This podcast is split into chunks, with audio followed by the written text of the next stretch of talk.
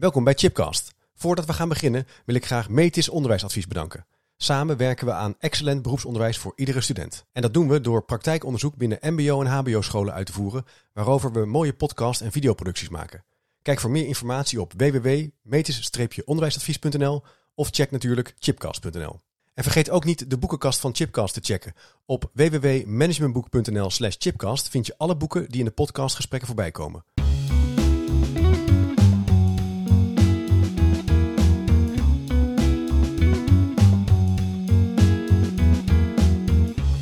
Welkom bij Chipcast, een podcastserie waarin ik op zoek ga naar ongewone antwoorden en nieuwe perspectieven op vragen die mij bezighouden. Leuk dat je luistert naar een nieuwe aflevering. En in deze podcast zijn te gast Julie Lindhorst en André de Waal. Hartelijk welkom. Dankjewel. Dankjewel voor de uitnodiging. Ja, kijk er erg naar uit om met jullie in gesprek te gaan. Voor degenen die jullie nog niet kennen, een korte introductie. Uh, Julie Lindhorst, ondernemer en adviseur op het gebied van organisatieinrichting en HR-management. En ook verbonden aan het HPO-center en Nijrode University. Ja, klopt. En André aan mijn rechterhand, managing director en academisch directeur van het HPO-center. En partner van het Finance Function Research and Development Center. Klopt ook helemaal. Ja. Uh, ik denk dat sommigen jouw stem misschien wel zullen herkennen. Je bent eerder een keer in de podcast geweest. Ja. Om het over onder andere het HPO, gedachtegoed en het, de koppeling met leiderschap uh, te hebben. Het is een podcast die, uh, die veel beluisterd is en die best wel wat reactie heeft opgeleverd, ook in de wereld van onderwijs. Daar kunnen we nog wel wat winnen als het gaat over onderwijskundig leiderschap en de verankering in wetenschap. Uh, maar er is iets nieuws, want jullie hebben een boek geschreven. Hoe je om kunt gaan met megatrends en disruptors. Dat is ook wel best wel een spannende titel. De Ja. titel is Futurize. Ja, Ja, en daar gaan we het over hebben, over het boek. Mooi. Ja, net uit in het Nederlands en in het Engels. Ja. Dus dat moet even ter introductie toch denk ik best wel een klus zijn geweest. Om dat ook nog eens in het Engels te schrijven. ja, dat valt op zich wel mee. Ik bedoel, als je de, de basistekst hebt, en dat was natuurlijk het hele Nederlandse boek, dan is het Ja. een kwestie van, eh, van vertalen. En dan nog eens een keer heel goed kijken of het goed Engels is. Ja. En ook de, de uitgever, natuurlijk de, de Amerikaanse uitgever, kijkt daar ook nog een keer naar. Ja. Dus eh, Ja. we denken dat het een mooi resultaat is geworden. Ja, jullie waren een goed gezelschap en eh, goede hulp om het... eh, en het gezelschap was virtueel, want tijdens de coronaperiode is het geschreven. Ja. En wij hebben elkaar dus eigenlijk ook nul keer gezien, behalve via het beeldscherm. Ja, maar daar gaan we het denk ik zeker Ja. ook over hebben. Want het was, jullie hebben het geschreven, het gaat dat noem je ook in het boek natuurlijk, in die coronatijd. Wat Ja. eigenlijk een enorme verandering natuurlijk is geweest voor Ja. onze werkelijkheid. Want dit boek eh, is een wetenschappelijke verkenning wat de invloed gaat zijn van grote sociale, politieke en technologische veranderingen op organisaties. En jullie hebben ook een raamwerk ontwikkeld, waarin je op basis van een self-assessment kunt bepalen in hoeverre je nou eigenlijk voorbereid bent op die toekomst. Een soort zelfscan of een soort kritische spiegel. Zou ik het Ja. zo mogen Ja, self-assessment. Eh, ja. En dat is ook weer nauw gekoppeld aan het HBO-raamwerk, waar we dus onder andere in podcast 104 over in zijn gesprek gegaan. Ehm, het valt mij op als je nu. eh, er gebeurt natuurlijk ontzettend veel in de wereld. Hè? Er is natuurlijk een enorme oorlog eh, gaande eh, aan de zijkant van, van Europa. Eh, we hebben een, een pandemie. ehm, die misschien wel weer gaat oplaaien in het, in het najaar. Ja, Ja. Grote ja, maatschappelijke vraagstukken. Ja, ja, ja. Eh, ongelijkheidsvraagstukken, Ja. onderwijstekorten bijvoorbeeld, als we het even hebben over het domein van onderwijs. Maar even terug, naar- Mhm. dus daar, daar gaat dit boek ook over, dus daarom is het echt ook wel de moeite waard om erin te duiken. Maar wat maakte nou dat jullie dat boek, jullie zijn gaan schrijven? Want het was, die pandemie was gaande en toen dacht je, ik zet het op papier. Nou, eigenlijk eh, daarvoor. We waren al, daarvoor. eh, ja, ik was zelf eh, bezig met, eh, als adviseur, dus HR-adviseur. En, en eh, ik kreeg natuurlijk van vragen van organisaties van hoe, ja, hoe zie jij de toekomst? Hoe kunnen we ons eigenlijk toekomstgericht eh, organiseren? Ja. En toen dacht ik, ja, weet ik daar eigenlijk genoeg van? Dus toen ben ik dat gaan bestuderen. Eigenlijk was het thema The Future of Work. En langzaam maar zeker, maar dat is natuurlijk ook als je iets onderzoekt, zie je daar steeds meer signalen van dat het een behoorlijk urgent probleem aan het worden is, gezien de snel veranderende wereld. Dus eh, toen dacht ik, ja, ik ga er eens, eh, nou ja, toen ik ontzettend veel bij elkaar had, toen dacht ik, nou, misschien is het eigenlijk wel iets om hier ook op te promoveren. Dus ineens een hele grote stap misschien, maar ik dacht, ik bel André, die eh, ook natuurlijk professor is en veel studenten, PhD-studenten begeleid heeft. Dus we hebben contact hierover gehad. En toen, toen kwamen we op het idee om een aantal onderzoeken, concrete onderzoeken te doen. Dus van die literatuur ook artikelen te schrijven. Ja.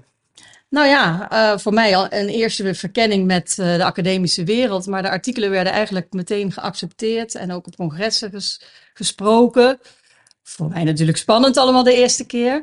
En eh, toen dachten we, nou, als dit zo'n hot topic is, dan kunnen we daar misschien wel een boek voor schrijven. Nou, André is daar natuurlijk al heel erg bedreven in. Dus, nou ja, misschien André, hoe is dat boek vervolgens tot Ja. stand gekomen? Nou, het is misschien ook nog wel even aardig om te, om te vertellen waarom ik eigenlijk meeging met Judy. Ja, Oh, Ja, want alles wat ik, wat ik doe, staat een teken van hoog presteren. Een hoog Ja. presterende organisatie. Ja. Dat, dat is echt mijn levenswerk geworden natuurlijk de laatste 20, 25 jaar. En ehm, in instantie zou je kunnen denken, oké, wat heeft Future Rise nou met, met hoog presteren te maken? En wat mij opviel is dat als je kijkt naar het hoogpresterende organisatie raamwerk, hè, de vijf factoren, één factor zegt al lange termijn oriëntatie. Daarmee zou je automatisch denken dat hoogpresterende organisaties ook heel erg op de lange termijn zijn gericht. Maar je hebt lange termijn en je hebt lange termijn.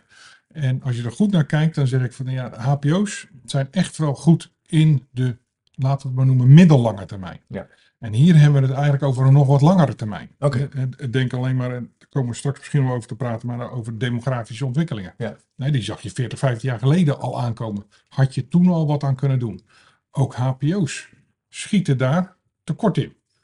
Die, die, die hebben dat ook nog niet genoeg aangepakt. En dat was de reden voor mij om te zeggen, wacht eventjes, hier hebben we een thema, of Julie heeft hier een thema. Want als je projecteert op HPO's, ja, dan heb ik niet eenmaal kant- kant-en-klare antwoord van hoe gaan die daar nou mee om. Nou, dan ga je terug naar de literatuur en daar vind je natuurlijk niks. Noppers. nee. Nul. Ja, en dan is het natuurlijk, dat is bingo. Hè? Want dan heb je gewoon een, een gebied wat nog niet onderzocht is, waarvan je aan je klomp aanvoelt dat dat enorm ehm, ja, belangrijk is. Hmm. Hè? Wat, wat organisaties heel erg kan, kan helpen. En dan krijg je die stap naar het boek, want eh, alles wat, wat ik doe hè, met het HPO is altijd zo geweest, dat moet praktisch Ja. toepasbaar zijn voor Ja. organisaties. Dus Ja. daar, daar moet wat uitkomen. Nou, met wetenschappelijke artikelen ontzettend belangrijk, hè, want dan kan je aangeven, dit is, dit is een basis, dit is, dit is geen gezever in de ruimte. Maar dat wordt niet gelezen door, door wat ik maar even noem normale organisaties. Nee. En, en misschien wel terecht ook. Dus dat moet je in, in andere dingen doen. Dan kan je natuurlijk in artikelen doen, maar dan kan je niet uitdiepen. En, en ja, dan is de stap naar, eh, tussen de gedachtesprong naar een boek, is niet zo groot. Het uitvoeren is wat anders natuurlijk. Ja. Maar dus het is ook bedoeld echt als brug tussen wetenschap en praktijk. Dus om het toepasbaar te maken, om het inzichtelijk te maken. Ja. Van wat, ko- wat komt er echt op ons af op lange termijn. En jullie noemden al even die, want dus even terug naar die congres, dat, dat gaf dus heel, ja, dat, dat leidde tot allerlei inzichten, vragen. Sorry. En ehm, wat waren dan dingen waar mensen op reageerden? Wat was, waar gingen ze dan zeg maar op aan? Ehm, ja, bij die Toen je daarover vertelde? Eh, nou ja, wat je ziet is bijvoorbeeld het eh, personeelstekort. Dat is een Ja. van de zaken. Ja, dat is natuurlijk nu all over the place. Iedereen eh, heeft een tekort. En dan is het gewoon heel moeilijk om te duiden waar het, waar het vandaan komt. Iedereen maakt zich daar ook zorgen over. We moeten zo snel mogelijk moeten we nu gaan acteren. Ja. En, en wat je ziet is, dan gaan we nu maar snel vakantiereisjes aanbieden, zodat we mensen eh, kunnen, kunnen werven. Ja. Maar zo zit het niet. Je moet gewoon eigenlijk eerst eens weten, wat is mijn hè, ideale werknemer? Welke mensen verwachten we? Je, je, je moet daar gaan kijken, wat, wat voor persona's zijn dat? Hoe kunnen we die triggeren? Dus dat kunnen zijn, kan zijn dat je oudere werknemers langer laat werken, wat toch al gebeurt vanwege de latere pensioendatum.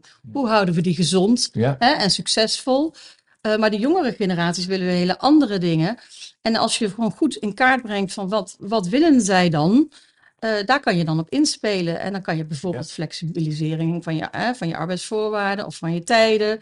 Zo speel je daarop in. Ja, dus En het is niet radio... one, was, one size fits Nee. all. Nee, je moet er dus echt strategisch naar kijken. En Ja. echt die, want vanochtend op de radio hoorde ik toevallig dat ze bij, volgens mij, Soet Supply gaven ze wat geld. 4000 euro. 4000 piek. Best wel serieus geld. Als, je, als je iemand aandraagt. En jij zegt echt, nou, leuk. Kan misschien helpen. Maar het is nog niet de stap naar echt je, je personeels, strategisch personeelsbeleid in die zin. Nou ja, kijk, wat je ziet is dat er nu gewoon heel snel naar een, een oplossing wordt Ja. gegrepen. En wij hebben juist onderzocht, eh, die oplossingen kunnen allemaal goed zijn. Ja. Alleen als je even één stap eerder gaat, gaat eh, kijken, eh, dan, dan moet je eerst kijken welke situatie zit je in, welke Ja. context. eh, en daarop doorbouwen. Dus alle oplossingen kunnen goed zijn.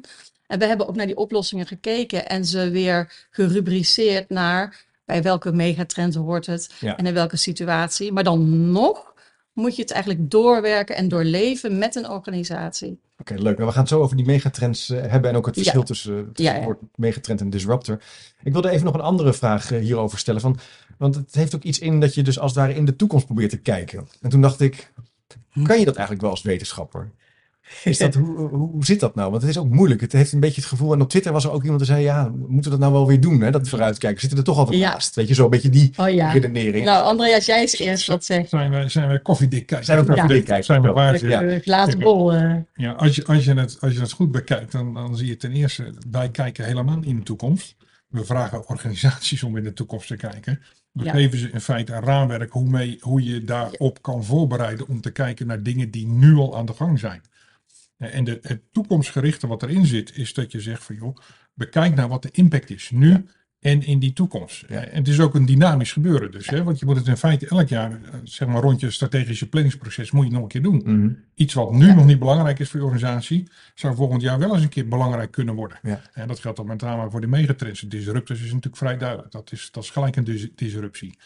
En de bedoeling is, en, en dan kom ik ook een beetje op je, op je vorige vraag terug, nog, eh, nog Chip. Hè, wat sprak mensen nou zo aan? Ja. Ook op die conferenties, maar ook bij organisaties, is het feit dat je het gestructureerd doet. Ja. En dat je het ook niet geïsoleerd doet, want dat Ja. is natuurlijk het grote probleem. Hè, we kijken alleen maar naar het, de skills mismatch bijvoorbeeld. Ja. Ja, maar wacht eventjes. Als je de demografische ontwikkelingen die daarmee mee, niet meepakt, of urbanisatie, dan kan je daar iets proberen op te lossen. Maar als die mensen niet naar de stad komen, bij je spreken, dan heb je er nog niks aan. Nee. Dus, dus die combinatie bij elkaar, en, maar vooral dat gestructureerde. Ja, want aan zich, al die dingen op zich, komen, ja, die, die, weten mensen op zich eh, eigenlijk al lang. En eh, een aantal zal het ook oppakken met riskmanagement bijvoorbeeld. Eh, alhoewel het daar vooral vanuit risico wordt bekeken. Wij bekijken het zowel het risico, maar ook als, als opportuniteit. Hè. Eh, eh, zelfs corona, hè, dat was alleen maar slecht. Nou, er zijn ook organisaties die hebben daar heel veel profijt uit gehaald. ja, Dat, is, dat is dus een eh, op- opportuniteit zo Ja. gezegd. Ja, En dus dat soort dingen, gewoon breder bekijken. ja breder kijken en ook systematisch analyseren. En ook systematisch analyseren. En, en dan ga je zelf voorspellen Ja. hoeveel impact het heeft. Ja, ja, ja. Of hoeveel impact jij denkt het, Ja. dat het gaat hebben. En wat je er nu kan gaan doen. Ja. En is, is, dat, is dat in de toekomst kijken? Het is eigenlijk meer op de toekomst voorbereiden. Ja. Het is ook niks voor niks dat we ook een hele tijd hebben gedacht over hoe gaan we het boek nou noemen. Eigenlijk hadden we het Future Readiness willen noemen. Ja, ja, ja. In goed Nederlands natuurlijk. ja. Maar Future, Futurize is eigenlijk wel beter, omdat Ja. dat is een werkwoord. Ja. Hè, weet Het is actief, het is een werkwoord Ja. en je moet het dus ook echt doen. futurize. Ja. Eh, imperative. Dus je moet het eigenlijk gaan Ja. Het doet me een beetje denken aan, ik, ik was toevallig de podcast van Boekenstein en de Wijk, eh, daar ben ik eh, heel erg, eh, ja, misschien een beetje verslaafd aan. Up- elke dag een update over Mm. Ja. de oorlog in Oekraïne. Maar die de Wijk waar hij eigenlijk on- vaak op hamert is het, het onvermogen van het Westen om nog strategisch te kijken. Om eigenlijk in samenhang te kijken naar vraagstukken en daar eigenlijk op voor te sorteren. Ja, En ik, dit is geen politieke podcast, maar ik vond dat hij zei, die bekwaamheid is ontzettend belangrijk.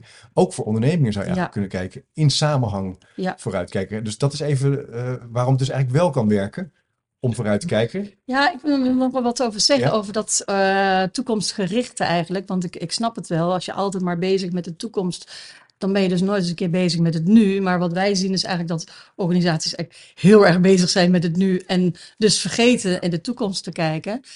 Eh, ik denk dat je eigenlijk een stukje rust creëert als je juist de toekomst verkend hebt. Ja. Weet welke acties je gaat ondernemen. Dat doe je met elkaar. Dus met, het, met niet alleen het managementteam, maar dat doe je eigenlijk met je, hè, met je medewerkers, vertegenwoordiging van de medewerkers. eh, eventueel met je netwerk hè, van, van, eh, van de verschillende organisaties waar je mee, eh, mee werkt. Ja. Als je dat gedaan hebt en je zegt: Oké, nou, eh, eh, individualisering is voor ons niet van toepassing, maar de skills mismatch wel. En daar gaan we nu op inzetten, dan creëer je rust. Ja. En die rust kan je gebruiken om vandaag de dag te focussen om je werk te doen. Dus ik heb daar wel eh, een mening over, van Mooi. dat je dus juist de mindfulness Ja, creëert en eh, ingaat Ja. als je weet wat zijn mijn toekomstplannen. Het is wel zo dat natuurlijk de wereld continu verandert. Dus zoals André al zegt, niet denken van nou, nou zijn we er. Mhm. Dit moet je door je hele proces heen verweven. Dus Ja, eh, iedereen moet daar, het is niet Ja. een afdeling strategic foresight. Nee, iedereen moet daar in zijn eigen werkgebied over nadenken en meepraten. ja. Maar het is een mooi punt, geeft dus rust. En dat Ja, nog even bedenkt. Gewoon, ik zeg het ook wel eens tegen management. Ik zeg, wanneer ga je je nou op de toekomst voorbereiden? Is dat over een maand, over twee maanden, over een jaar? Nee, nu natuurlijk. Ja. Ja, Anders ben je te laat. Ja. Dus toekomst kijken is dat. Nee, dat is dus iets wat je nu moet gaan doen. Ja. En dat is een hele interessante. En ook de acties die eruit komen hè, uit die, uit die self-assessment. Dat zijn natuurlijk ook dingen die je gewoon nu gaat doen. Ja. Want anders ben je gewoon te laat. En dat zie je nu wel bijvoorbeeld met het tekort aan mensen. ja. Vanochtend op de radio. Kinderopvang, hè? Was, Moesten we ons er nu op gaan voorbereiden, want nu zaten we er middenin. En toen dacht ik, nee, we zijn nu net te laat. Maar je zit dus eigenlijk, maar Ja. het valt er ook op dat als je dus super in die uitvoering zit, je hebt geen tijd meer om te denken, je bent aan het rennen, rennen, rennen, dan heb je dus geen tijd meer om even uit te zoomen, Ja. te kijken wat er op je afkomt, te kijken hoe het mogelijk verder kan gaan. En dan Ja. raak je dus, dan raak je eigenlijk verrast. En dan raak Ja. je, ben je constant ad hoc aan het reageren, mogelijk in die zin. En, en, en dat, dus dat proberen jullie ook eigenlijk te ondersteunen, om, daar- om dat patroon te doorbreken. Je gaat, je gaat Juist. een beetje, het, je, het patroon is natuurlijk instant gratificatie. Ja, En dat is zeker de laatste jaren is het gewoon, ik wil Ja. nu gewoon zoveel likes hebben. Ja. Ja, hier krijg je niet zoveel likes voor. Ja. nee, Hier krijg je over een jaar zoveel likes voor, want dan heb je het goed gedaan. ja, En dat is gewoon verdwenen. En Dat is natuurlijk gewoon, eh, eh, spreekt hier een beetje de oude man. Maar als je 20 jaar terugkijkt, eh, het individualisme, sorry, het korte termijn denken wat er toen ingeslopen is, Ja. dat zorgt ervoor dat je dus nu dit nodig hebt. Ja. Hè, want nogmaals, heel veel van deze zaken, zeker die megatrends, je zag ze allemaal al aankomen. Ja. Maar je, hebt- dit zeg jij ook al jaren, want toen ik nog collegewerk kreeg aan de universiteit, zei je ook al, ja, eh, als je high performance wil worden of wil, wil naartoe wil werken, dat is niet in twee jaar gebeurd, ook niet in drie jaar. Het kost vijf, zeven, misschien wel meer jaar actief keuzes Ja. maken. En dan kom je er pas. En dat is natuurlijk in deze tijd, als je kijkt naar alle managementliteratuur, het is allemaal snel. Hè? Ja. In 30 dagen je nieuwe visie, eh 20 Ja. dagen dit. Ja, en daar dan zeggen wij nu gewoon rustig onzin. Onzin, ja. Allemaal dat werkt dus niet. Nee. Dat werkt gewoon niet. Nee. We zijn met mensen bezig. Hoe, hoe lang duurt het niet voordat mensen hun gedrag veranderen? Ja, Hè? Dat, het, Ja. dat het niet meer terugvalt. ja, Daar gaan jaren overheen. ja. En ik, ik vind het wel interessant dat, dat als we met organisaties bezig zijn, nou ook, ook, ook met hoog presteren, hè, dan zeg ik tegen ze, joh, ik, ik, ik heb organisaties begeleid die hebben het inderdaad in twee jaar gedaan, maar die kwamen ook al van een goede positie. Ik heb nu een aantal organisaties die gaan een achtste jaar in. Is dat erg? Nee, natuurlijk helemaal niet. Nee. Hè, die zeggen rustig, als we dit niet hadden gedaan, acht jaar geleden hadden we nu niet bestaan. We staan Ja. er gewoon veel beter voor. Ja. En het zal nog een tijd doorgaan. En je ziet nu langzaam in die diagnoses, zie je ook echt insluipen dat, dat, dat er de aandachtspunten, dus in feite de aanbeveling die geeft, zegt dat je er vijf geeft. Vier gaan eigenlijk over het, het nu hè, en de middellange termijn. En er zit eigenlijk de laatste begint steeds meer te worden, dat gaat inderdaad over futurize. Ja. Maak jezelf nou klaar voor die toekomst. Heel eenvoudig, bijvoorbeeld eh, ehm, successieplanning. Voor alle belangrijke posities heb je nou mensen daar staan wachten voor als Ja. het met jou gebeurt. Eh, nee, hebben we niet. Oké. Ehm, als jij met je mensen beoordelingen doet. En dan vraag je meestal denk ik wel van, eh, wil je nog wat ontwikkelen enzovoort. Ja. Ja. nee, ik zeg dat is hartstikke goed. Maar dat is ook volledig reactief. Wanneer hoor ik nou eens van jou dat je zegt, hè, ik heb met jullie heb ik, heb ik zo'n gesprek, zegt jullie, over drie jaar denk ik dat we daar en daar zijn met de Ja. organisatie, daar komen gaat het, daarvoor, ik denk dat jij dat kan doen, maar dan moet je dit, dit en dit gaan doen. Dat is proactief. Dus niet reageren, maar eigenlijk Proactief. acteren en regisseren. Ja. Proactief, Julie. Dat is eigenlijk de, de bekwaamheid en het omslagpunt. Eh, ja, kijk, eh, we hebben het natuurlijk ook nu over organisaties, maar ja, als psycholoog, organisaties bestaan uit mensen. Ja. En de mensen moeten eigenlijk de vaardigheden heden krijgen om, dit, hè, om deze mindset te ontwikkelen. En ik, eh, ja, ik denk dat iedereen dat wel kan leren, maar de vraag is, wanneer start je met dat leren? Moet je daar eerst ergens gaan werken of wordt dat eigenlijk op scholen al ingegeven? Zolang er nog van alles getoetst wordt uit boeken en je moet het op kunnen lepelen, ja, dan leer je natuurlijk niet je actief voor, hè, op iets voorbereiden. Ik denk dat die dynamische vaardigheden, hè, die dus eigenlijk eh, eh, bestaan uit ten eerste een antenne ontwikkelen voor, voor, voor, dingen die eh, eh, op je afkomen. Eh, eh, vervolgens kansen leren zien, ten eerste. Dan leren grijpen. Hoe kan je een kans omzetten in iets voor jou? Hè, voor jou? En vervolgens ook de actiegerichtheid. Ja, daar kan het onderwijs behoorlijk nog eh, eh, zeg maar, eh, op winnen. Dat, dat denk ik echt. Je zegt eigenlijk, onderwijs is ook veel te veel naar binnen gekeerd. Je zou eigenlijk ook daarin meer naar buiten moeten kijken. Nou, Ik wil niet echt een oordeel geven over naar binnen of, of, of naar buiten Hm. gekeerd zijn, maar meer dus de, de, de, de kinderen en vervolgens hè, de tieners en, en vervolgens ook binnen organisaties de, de skills leren om Hm. Toekomstgericht te handelen. Om na te denken. Eigenlijk, Eigenlijk om dus. na te Ja. denken en om vooruit te denken. Ja. Dat, dat, Ja, je zei het zelf al, hè, dat, dat, dat rennen, rennen, rennen. Dat zie je in het onderwijs. Zie je natuurlijk, het wordt volledig gedreven. hè. Dat, ik denk dat veel leraren het helemaal niet fijn vinden, maar toch. Toetsen en, en, en, en, en, eh, evaluatie en weet ik veel, maar dat soort dingen. Werkt allemaal korte termijn. En het, het werkt ook in de hand kunstjes. Ja. Het, het edele vak, zou ik bijna zeggen, van, van nadenken, krijgen ze geen tijd meer voor. Nee. En, en dat, dat is aardig, want ook daar zie je de relatie met, met Futurize. Op het moment dat je, zo, dat je aan die mensen vraagt, om, ja, maakt niet uit welke organisaties, maar om een self-assessment te doen, dan vragen we ze ook niet alleen om te zeggen van, nou ja, we denken dat het zoveel impact heeft. Mhm. Ook, wat ga je eraan doen? Ja. En waarom denk je nou dat dat gaat helpen? Er is geen goed of fout. Wij zijn ook wel bij goed of...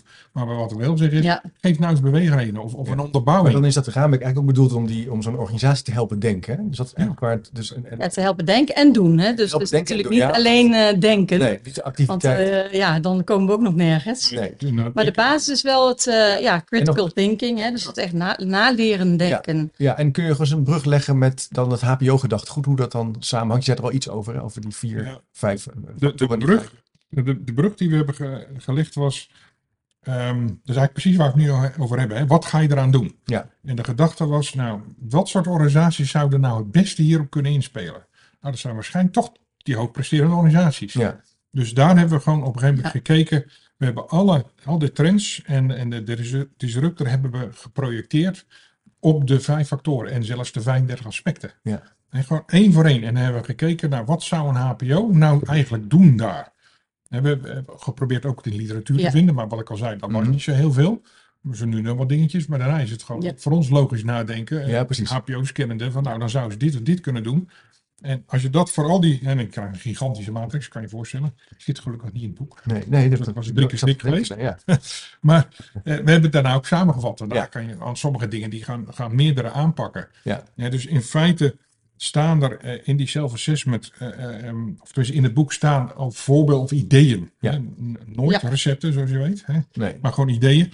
En die komen uit die analyse. En dan kan je zeggen van nou, in principe zouden HPO's dat doen. Nou, als het voor HPO's goed is, is het natuurlijk ook goed voor jou. Ja. Ja. En, en dat, dat is, daar ligt die connectie gewoon heel sterk. Ja, ja. Ja. dus dan kan je. Kan je een voorbeeld geven van hoe je dat dan zou kunnen doen? Eh, misschien even eentje eruit te pakken. Ehm, nou ja, ik kan misschien even voor, eh, voorbeeld geven van dat we een aantal weken geleden bij een, eh, een workshop hebben gehouden bij eh, Netwerk Speciaal. Dat is dus een, eigenlijk een netwerk van eh 15 scholen binnen het speciaal onderwijs. En daar hebben we een aantal schoolleiders, dus schooldirecteuren en ook medewerkers kwaliteit, die hebben dus een Futurize workshop gedaan. En daar hebben we eerst gekeken van alle eh, megatrends en disruptors, welke voor hen eigenlijk het meest van toepassing zijn. Dus dat was bij wijze van spreken stemmen en, en kijken hoeveel eh, er gescoord werd. En dan hebben we de, vervolgens de belangrijkste, die het meest impact hebben, uitgehaald. Mhm. Dat was dan technologische ontwikkeling, hè, dus de snelheid van de technologische ontwikkeling. De skills mismatch, dat, de, dus dit zijn dingen die de Ja. schoolleiders zagen. Hè. Zeggen die twee Ja, eh, want ik ben natuurlijk niet de specialist Nee. in, dat- in hun eigen vakgebied. Eh, en eh, natuurlijk het, eh, de samenstelling van het, pers van het personeel, van, ehm, eh, dus die, die- verandert en dan de personeelstekorten. Nou, laten we die er hier even uithalen. die hebben we even heel kort eh, over gesproken. En vervolgens zijn ze in groepjes uiteengegaan om te kijken welke kansen zijn er nu eigenlijk. Eh, niet te veel bedreigingen, want daar heb je eigenlijk niks aan, want dan gaat het over negatieve dingen. Maar wat kunnen we dan eventueel doen? Eh, eh, en vervolgens is dat dan besproken. Nou, één heel leuk iets vond ik wel. Er werd een beetje geklaagd over de digitale vaardigheden van het onderwijzend personeel. Hebben we van die prachtige digiborden? Gebruiken ze ze niet? Hebben we iPads? Gebruiken ze ze niet? Dus toen zei ik, maar zijn er misschien nog andere voorbeelden van snelheid van, hè, van eh, technologische veranderingen? Nou, er werd eigenlijk niet op gereageerd. Dus dat betekent dat er dus eigenlijk ook niet over nagedacht Nee. is. Zouden nog eens. Dus heb ik kort even verteld van, eh, hebben jullie al eens gehoord van een digital twin? Nou, dat was dan niet het geval. Zou het niet mooi zijn als het voorleesuurtje in zes klassen tegelijk door een eh, digital twin. Nou, dat was natuurlijk ja, de ene. een digital twin? Is dat Nou, dat is dan eigenlijk een virtuele eh, representatie van de docent. eh, maar die kan je natuurlijk eh, in meerdere klassen tegelijk zetten. Oh ja. En in dit geval, het is misschien even een, een extreem voorbeeld. Maar ik zie het nog wel gebeuren. Ja. Want eh, de klas wordt eh, voorgelezen. Dus maakt het nou heel erg uit of het. Nou, in ieder geval, dus eigenlijk Maar best wel leuk om te onderzoeken. Ja, om even na te denken van, goh, er is meer mogelijk dan Nou, alleen die... wat los, je daar, wat los je daar nou mee op? Je hebt dus het over digitale vaardigheden. Dat eigenlijk in principe ook onderzocht moet worden. Wat is voor het onderwijs dan nog meer mogelijk dan een digitaal, hè, de digitale borden en de iPads?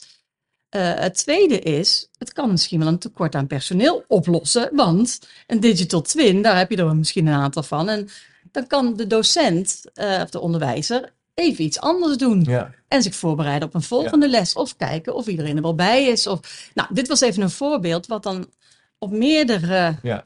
Ja, je pakt gelijk meerdere trends. Ja, En- dat was wel echt een leuke discussie. En eh, ik vond het ook echt heel waardevol. Dat is toch ook de term van tegenwoordig, een waardevolle ochtend. Net iets te kort, want eerst dachten we, nou, dat kan wel in een paar uur. Maar dat moest toch wel, denk ik, drie uur zo'n beetje worden. Eh, nou, meerdere reacties hebben we gekregen dat ze het zo leuk vonden. En dat dit gewoon, Dus het nou ja, dat ze het wel vaker willen doen. Ja, dus het opent je, het vertraagt in zekere Ja. zin. Het dwingt je echt te kijken naar Ja. dingen die op je afkomen. En mogelijke initiatieven te verkennen en te ontwikkelen. Nou, daar- op die manier kunnen we meer toekomstready zijn. Ja. En, en wat is nou het verschil tussen, eh, zeg maar, megatrend en disruptor? Om dat toch even nog eh, eh, bij de kop te pakken. André. Nou, la- la- laat ik een anekdote dan vertellen. Ja, doe dat is eens. misschien nog wel Ja. aardig. Toen, Ja, we, leuk. toen we onze, dat denk ik, dat was waarschijnlijk ons eerste artikel voor, eh, voor een wetenschappelijk artikel. Ja. En eh, hè, dat, voordat het wordt geaccepteerd, eh, wordt hij natuurlijk hè, peer-reviewed. Iemand, iemand kijkt na en dan krijg je een commentaar. En het, en het commentaar was toen van, ja, ehm, wij vinden het, eh, of, ik, ik, ik vond het een hele interessante paper. Maar het was toch wel eh, iets wat eh, eh, pregnant dat ik in de tuin dat ding zat te lezen. En dat ik in, die tuin, in mijn tuin zat vanwege COVID, want ik mocht nergens naartoe. En jullie reppen met geen woord over COVID. Oh, oké. Ja. Ja, Ja. nou, disruptor. Wij hadden het over megatrends. Hè? Ja. Dingen die, die, Ja. eh, die je lang van tevoren ziet aankomen. Hè? Demografische ontwikkeling is natuurlijk het voorbeeld. Dat zag je in de jaren 60 zag je dat aankomen. Van waar, je kon gewoon uitrekenen wanneer er te weinig mensen Eigenlijk wel. zouden komen. En daar kan je dus op inspelen. Ja. Die megatrends die kunnen dus gewoon soms heel lang onder oppervlak blijven. Ja, of een beetje sudderen. Maar als ze op een gegeven moment doorbreken, dan hebben ze ook enorme impact. Ja. En disruptor is iets wat je aan zich wel kan voorzien. Want infectieziekten wisten we bijvoorbeeld wel als ze bestonden. Maar je hebt totaal geen idee wanneer. En als ze komen is het ook in één keer fout. Ja. En, en het Ja, interessante overigens, waarom hadden wij het niet over, over de disruptor pandemie? Hm. Omdat in de literatuur daar in, in, in combinatie met future work, hè, waar we het over hebben, helemaal niets over werd geschreven. Nee. Inmiddels is dat natuurlijk wel bijgewerkt. Ja. Maar Ja. eh, heel veel dis- disruptors en future work zijn er niet zoveel. En eh toen is er niet zoveel beschreven. Nee. dat is toch wel interessant. En wij vonden er dus uiteindelijk eentje. Hè, je, je kan nu wel zeggen van ja, de oorlog in, in Ja. Oekraïne werd overigens wel genoemd als disruptor. Maar niet in verband met wat voor effect gaat het nou hebben op ons werk. Ja. Dus het, het kan best zijn, eh Julie, dat wij eh, over twee jaar een update van het boek gaan schrijven. En dat er een Ja. disruptor Ja. is. Als er dan in, inmiddels is onderzocht van nou, wat heeft dat dan gedaan? Ja. Bij ons hier. Ja, ja oké, dus duidelijk. Dus die eh, dus disruptor, corona is een disruptor. Ja. En, en die megatrends zijn eigenlijk, die zijn Ja. eigenlijk altijd wel gaande. En die, die datapunten kan je gebruiken om eigenlijk te extrapoleren en te kijken Ja. wat voor impact heeft het op mij. Ja. Individu- individualisering. Misschien wel ook wel het gevolg van ons, ons eh, ja, kapitalisme, denk ik in zekere zin. Het is inherent verbonden aan eh, Ja, van dus toch wel de marktwetten, denk ik. Of zou je ja maar, maar, maar ik, ja, ik vind dat je een beetje snel Voor mij wel. Ehm, omdat je, het, het heeft, ik vind het vooral te maken heeft met, met onze, onze menselijke instelling. Hè, die korte termijn versus lange Ja. termijn. Ja. Dat, is, dat Ja. vind ik eigenlijk het allerbelangrijkste. Dat, dat houdt ons voortdurend tegen. Ja. Eh, en, en dat, want dat gaat zelfs terug nog naar het HBO-raamwerk, waar, waar we altijd hebben gezegd van ja, hè, wat ons zo tegen heeft gehouden, is die korte termijn Ja. denken. En dat heeft, heeft ook heel lang voor, voor, heel lang, maar toch voor HBO ook, in, zeker in het begin van, ja maar wacht eventjes. Hè. Een van de kenmerken is dat mensen lang werken bij een organisatie. Maar ze verdwijnen hier om de twee jaar. Ja, dat is dus een probleem. Ja. En Dan moet je niet zeggen dat het niet klopt wat, wat we hebben gevonden. Nee, we doen het gewoon nu niet goed. Ja. Hè, En dat is, dat Ja, heel, heel wat anders. anders. Ja, oké. Ander punt is ook, er wordt ook behoorlijk wordt er geklaagd over de mentaliteit van de hè, generaties, de jongere generaties. Je kan erover klagen of je kan er eh, Ja. eh, je op, in, eh, op inspelen. Dus Ja. het heeft helemaal niet zo'n zin om, er, om erover te klagen. Ja, dus- Afgezien van het feit of dat, of dat er misschien nog wel wat in zit, hè? de manier van denken. Want ze pikken het gewoon niet meer, de jongeren. Hoe, hoe, hoe, hoe die, hè, dat wat dan in het Engels toxic culture, maar in het Nederlands, de, ja, de, de, de werkmentaliteit zoals wij een beetje in de oudere generatie gewend zijn. Opgejaagd, burn-out, weet ik het allemaal. Ja. Ja, die Er is- er is heel duidelijk- niet meer. Nee, maar er is wel heel duidelijk, denk ik, je zou kunnen zeggen, misschien individualisering. Je ziet het ook denk ik aan de, aan de technologie. Die is heel erg Ja. individu, op Ja. korte termijn aandacht. Ja, Ons brein die gaat natuurlijk ook enorm op aan. ja, Je zou kunnen zeggen, even een brugje met, met kennis. De consequentie is dat eh, studenten moeite hebben om langere teksten te lezen. Bijvoorbeeld, hè? want dat is inherent, vraagt dat lange termijn aandacht. Dat krijg je steeds minder, ja, dat wordt steeds minder gecultiveerd, krijgt steeds minder aandacht. En dat heeft dus, een, en, en, en, en zo zou je dus eigenlijk kunnen kijken naar dit soort ja. trends. Dit gaat dus alleen maar erger worden. Nou ja, dan moet je het op een andere Of er manier we dus op een aanbieden. andere manier moeten aanbieden, of Ja. er dus over nadenken. Dat is eigenlijk wat jullie In ieder geval over nadenken. over nadenken. Ja, Dat is, ja. hè, we, we pretenderen ook niet allemaal oplossingen, want het, het is geen oplossingenboek. Nee, Hè, want dan kom je weer bij de recepten, maar we willen gewoon dat je, dat je weer nadenkt daarover. Ja. En, en vooral dat je dus de- eigenlijk de kennis van jouw eigen mensen gebruikt binnen een organisatie. Ja. Ja. Hè, dat, dat is mooi, Julie zei het al, al eerder. Hè. Wij zeggen, niet- wij, wij weten niks van je bedrijf af. Hè. Wij weten wat van Future af. Ja. Wij weten wat van HPO af. Maar jij weet van het bedrijf af. Dus dat Ja. moet je bij, bij elkaar combineren. Dus Ja. wat we ook willen horen is jullie ideeën. En, en van ons mag je dan verwachten dat, dat we een beetje eens kijken van... Is dat helemaal doordacht? Of dat klinkt Ja. goed? Of hey, maar kan we dat kan je er niet daarmee combineren. Ja. Maar het moet uit jullie komen. Ook omdat de organisaties moeten het ook gaan invoeren. Ja. ja, ja. Nou, dan is die, dat, dat weet je ook, Chip. Het makkelijkste om mensen mee te krijgen is als ze het zelf hebben bedacht en er zelf over hebben na- Ja. nagedacht en hebben gediscussieerd. Dus dat is ook het proces wat jullie eigenlijk aanraden om het Ja. participatief gezamenlijk te doen. Ja. En la- laten we eens Ja, even... dat moet echt, hè? Ja, ja, want wa- nou, je kan in deze chaotische wereld de dingen niet meer in je eentje verzinnen. Nee, dus als je kijkt naar zo'n groep van 15 directeuren, een van de dingen is eh, duurzaamheid en, en milieukwesties. En e- daarvan zei één iemand, nou ja, dat geldt voor scholen niet. En eh, toen dacht ik, oh ja, eh, wat, hoe zal ik reageren? Maar het mooie is, als je dan met elkaar zit, en een man of 15, dan zegt een ander, nou wij hebben zonnepanelen. En toen werd er, kwam de discussie eigenlijk op gang van, eh, ja, daarmee kan je ook wel weer de kosten besparen. Ja. En dan kan je misschien wel weer geld naar onderwijs eh, doorsluizen. Dus eh, je moet het echt met elkaar doen. De collectieve intelligentie, collectieve slimheid, dat, daar kan je niet meer zonder.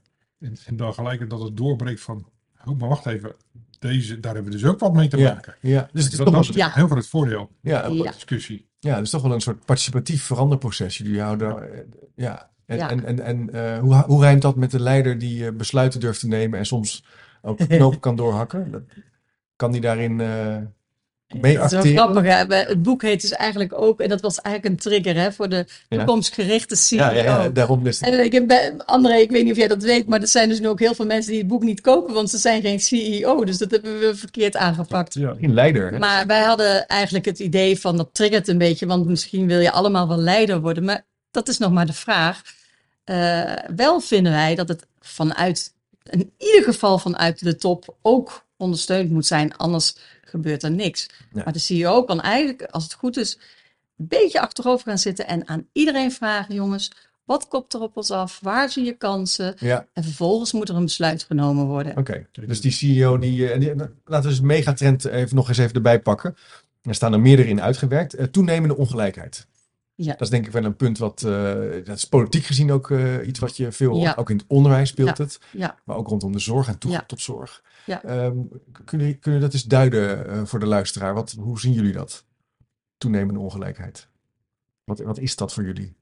Nou ja, je ziet eigenlijk als je kijkt naar dat, het, dat, dat toch een aantal groepen toch wat minder profiteren, dus eigenlijk achterblijven en minder profiteren. Een heleboel banen verdwijnen. Dat zijn veel uitvoerende banen, die ook die geautomatiseerd kunnen worden. Daar, gaat- met name over die banen gaat het. Dus, dus eh, ja, deze mensen die, die blijven een beetje achter. eh, eh, en, en komen straks niet meer aan het werk. En die, en die hebben dus ook geen geld voor opleiding. Die hebben, Ja. dus, dus in het algemeen eh, zie je dat dus de- in die zin de ongelijkheid toeneemt. Ja, eh, e- eigenlijk heb je, je hebt nu eindelijk aandacht voor één groep. Ja, Hè, en dat, dat, dat- de vrouwen. Ja. Eindelijk wordt er nu naar gekeken van hey, het verschil in salaris en alles soort Ja. En, en de quota wordt ook eindelijk waarschijnlijk ingevoerd. En dat Ja. zijn ook van die dingen van eh, als er er wel het schip niet keert, dan moet het maar zo doen. Eh, Maar er zijn nog veel meer groepen die Ja. gewoon die of niet aan de bak komen, of als ze al in een organisatie zitten, ook niet worden meegenomen. Ja. En, en dan zeg je in feite, sowieso iedereen heeft, heeft zijn eigen achtergrond. Ja. Dus dat brengt diversiteit binnen. Nou, Ja. ik weet al langer uit onderzoek dat diversiteit, dat helpt dus ook om hoog presterend te worden en te blijven. Ja. Omdat je gewoon nieuwe ideeën. Maar Als we ergens een tekort aan hebben, hè, is nieuwe ideeën. Dus hoe meer, hoe beter. Ja, eigenlijk. hoe diverser, hoe Ja, beter. Oké, dus daarom is diversiteit belangrijk. Daarom is diversiteit belangrijk. En dus dat betekent dus als je achtergestelde groep hebt die je of niet opneemt, of eigenlijk geen stem geeft binnen je organisatie, dan laat je dus een enorm potentieel liggen. Ja, Het is ja, ja. ook gewoon dom vanuit Ja. een organisatie Ja. gezien om dat te doen. Daarnaast is het ook gewoon, ja, hoe zeg ik dat nou netjes? Niet netjes, zo gezegd. Om die mensen gewoon langs de kant te laten, te laten staan. Ja. En het, het, het is gewoon interessant om te zien. Ook nu zien we natuurlijk weer hè, met, met, met Oekraïne. Daar, daar komt een hele grote groep mensen komen hier binnen. Ja, die zou je met z'n allen met, met open armen moeten Ja, ontvangen, ja. En gebeurt dat? Hm. Nee, het is, eh, we zijn allemaal een beetje... Ja, We willen ze wel Mopperig, hè? opvangen, maar, Ja. maar Hoewel dat, zelfs dat lukt ons niet eens goed. Ja, het zijn natuurlijk altijd moeilijkheden. Maar sowieso, daar, daar, komen mensen binnen van, van, die ook heel veel kennis hebben.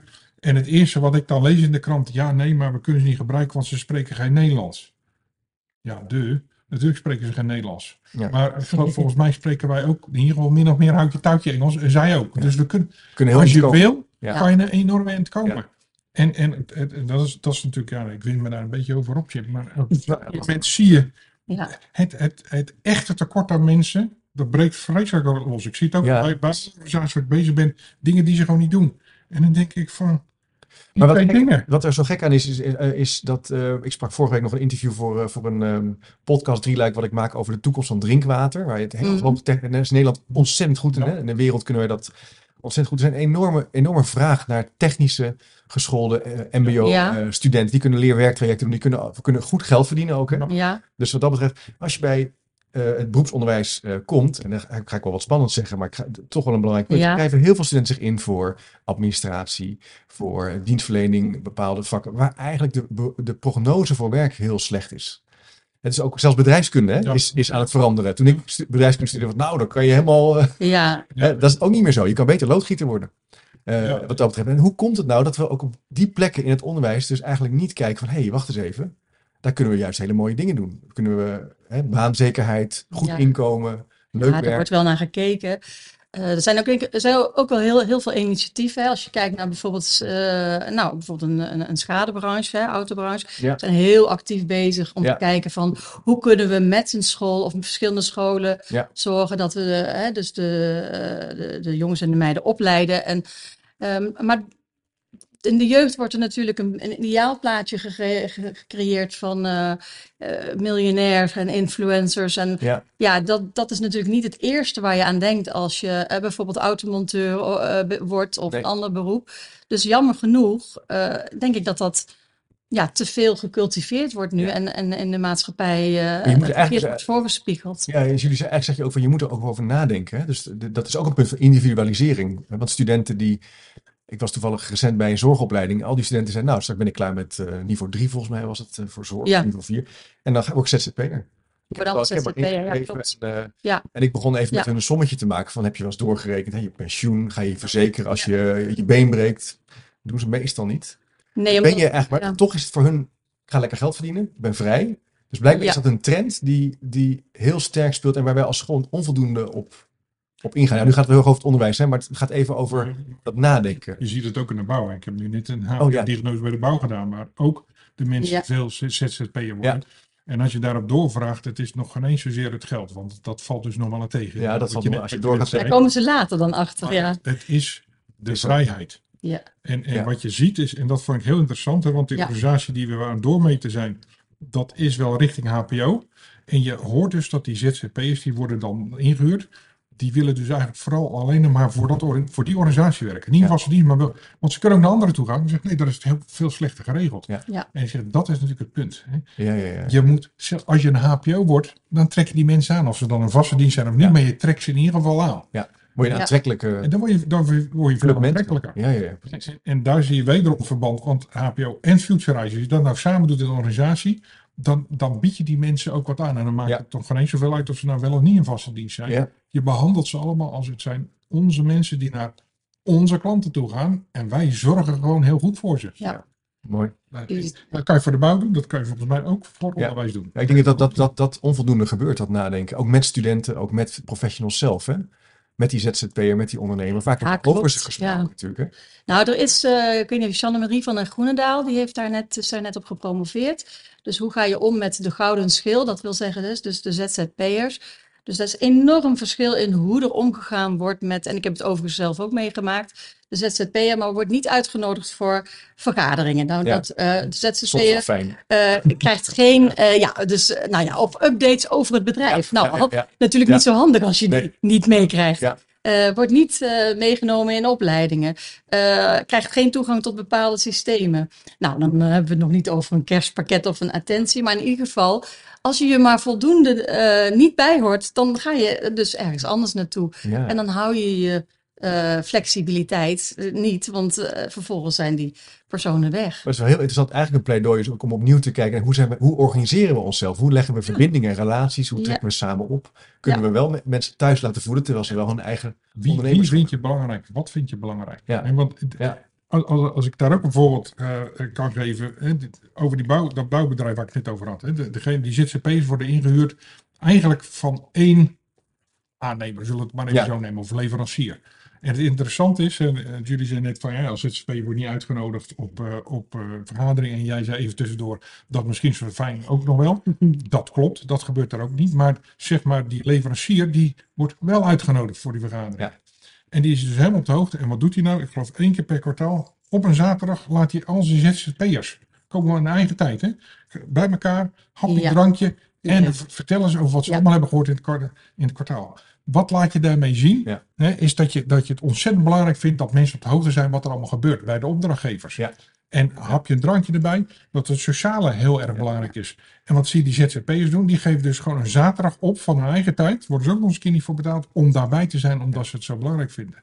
Ja, en dan heb je elkaar gewoon Ja. gevonden. Mooi. Hè, En, en dan weet je, noem maar eigenlijk de menselijke maat, die werd daar ook veel, veel genoemd, vond ik heel mooi. De menselijke maat is daar terug. Ja. Ja, dat is, dat is Mooi perfect. voorbeeld, ja. En eh, dan speel je ook in op eigenlijk de basisbehoeften van de mensen om ergens bij te horen. Ja. Ja. Ja. Dus eh, dat, dat is heel slim. En eh, je ziet steeds meer communities, ook grote uitzendbureaus of detacheerders die daarop inspelen. Om een community te, te creëren en kennis uit te wisselen. Ja, het, is, het, is, het speelt denk ik al wel een 15 tot 20 jaar een soort beweging, hè? een netwerkbeweging, een vernetwerking Ja, van de samenleving. Maar ik zie soms ook wel, ik weet niet of jullie dat herkennen, ik las laatst een column over iemand die kwam bij een bank, die wilde zijn pasje, iets met zijn pasje en dan, die bank was helemaal ingericht als een soort café. Als een soort, en, en daar werd hij ook weer een beetje ibelig van. Hij zei, ja, want dan is het, soms is het ook een beetje ehm, de buitenkant. Hè? Het vraagt best, wel veel, vraagt best wel veel leiderschap en doorvoeren als je Ja. echt met elkaar een gemeenschap wil zijn.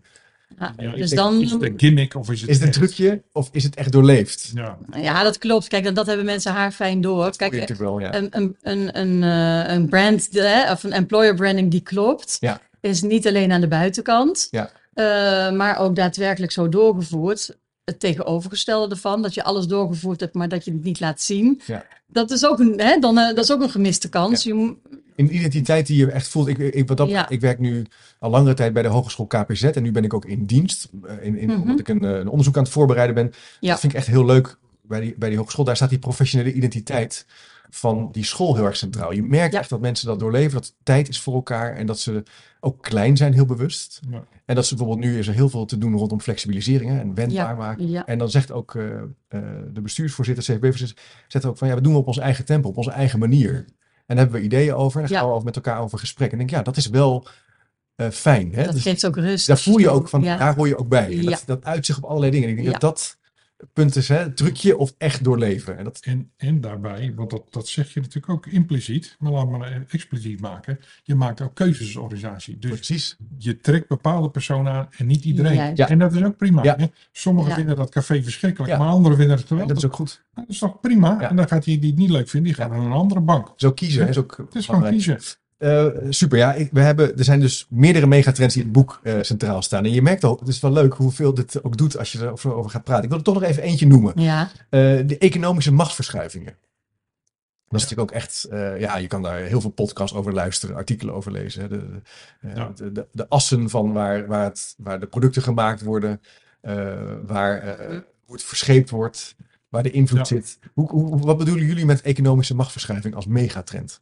ik, ik denk dat dat misschien nog wel een van de meest interessante is, omdat dat nog niet helemaal duidelijk is wat er gaat gebeuren. Nee. Hè, tenminste, de machtsverschuiving wel, maar wat voor effect dat heeft. En, en wij noemen de machtsverschuiving is niet alleen naar het, naar het oosten, naar China. Hè, Nee. En, en de- denk, denk maar aan de Silk Road. Dat wordt nog echt on, onderbelicht. Maar zodra die is, de nieuwe Silk Road, gaat enorme impact hebben. Ja. We hebben het ook over Afrika. Ja. Hè, als je even een andere eh, Ja, megatrend meeneemt, hè, over, over, over de bevolking enzovoort. Ongelooflijk veel mensen meer komen daar. En ehm, ik ben ook heel veel in Afrika geweest om les te geven. De brainpower die daar vrij gaat komen is ongelooflijk. Hoe gaan wij daar in het Westen nou mee om?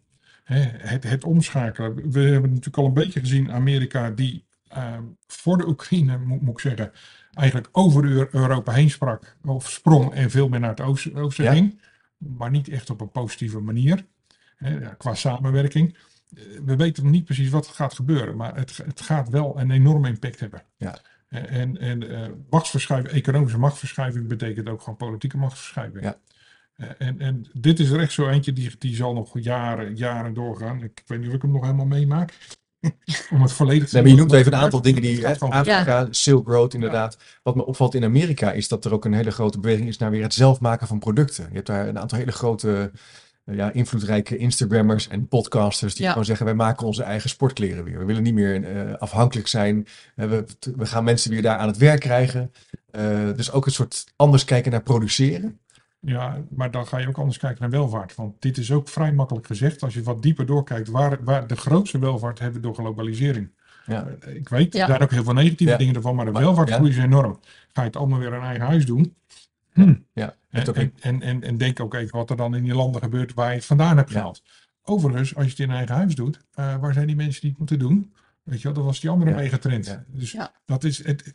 Quick fixes, dat Nee, gaat er niet Je kan worden. niet zomaar eenzijdig zeggen, Nee. want dat is natuurlijk in Nederland een groot probleem. We hebben natuurlijk een enorm tekort aan, aan mensen op allerlei vlakken nu. Zorg, onderwijs, eh, techniek.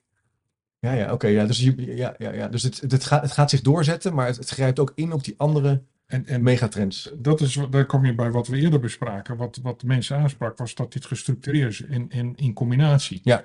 Eh, en in, in het boek onderkennen we dat ook. Want bij elke megatrend hebben we nog een aparte paragraaf waar we hebben gezegd: wat voor Ja. effect heeft deze megatrend nou Ja, op die andere megatrend? Ja, ja, ja, ja.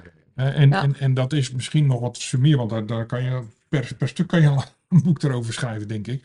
Maar ook dat is bedoeld van, denk er nou eens even aan dat je het gewoon in combinatie moet Ja. doen. Dus hè, als, je- ook als je kiest, hè, met, jullie gaf het voorbeeld met, met die onderwijsclub, zou ik maar zeggen. Daar kies je er een paar uit om daarover te discussiëren, gewoon vanwege de tijd.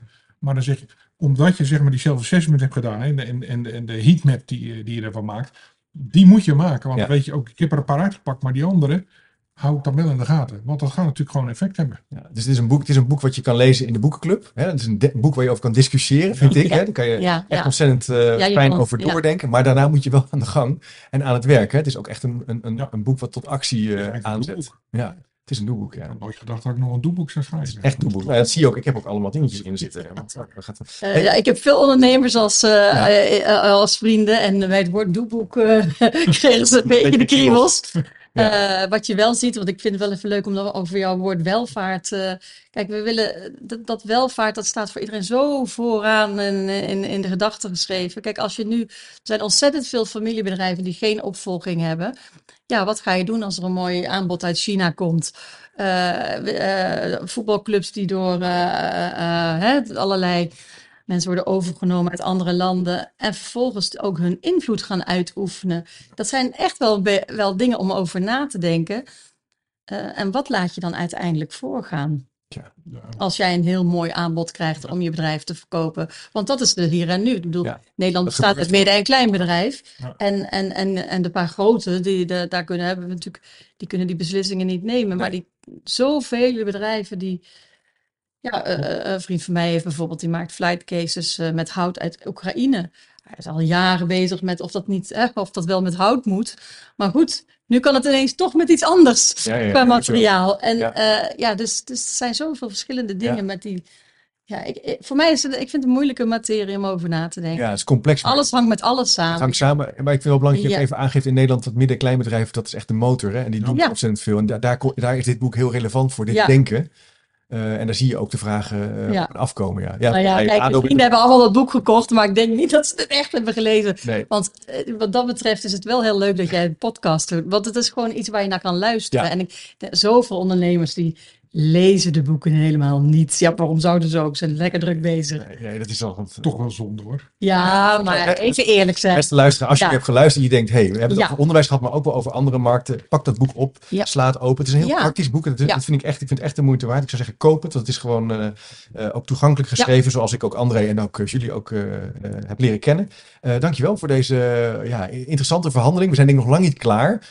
Maar dan zou ik zeggen, nou dan maken we gewoon nog een keer een deel 2. Of we gaan nog een keer eh, met zo'n eh, zo'n ondernemer in gesprek hè, over hoe hij Ja, dat lijkt me eh, zeker leuk. kijkt Ja, naar, ja. naar- naar Ja. deze megatrends, maar ook eh, disruptors. Ehm, beste luisteraar, ik zal de linkjes eh, die genoemd werden in het gesprek ook even plaatsen op de show notes. Ook of op chipcast.nl. Daar kan je trouwens ook je inschrijven voor de nieuwsbrief gratis en voor niks. Dat kan je doen via chipcast.nl slash doe mee. Ik zou zeggen, Julie en André, hartelijk dank voor eh, jullie bijdrage. Dank voor de uitnodiging. Ja, het leuke Graag gesprek. gedaan. En beste luisteraar. Leuk om te doen. Ja, vond ik ook. En tot de volgende keer.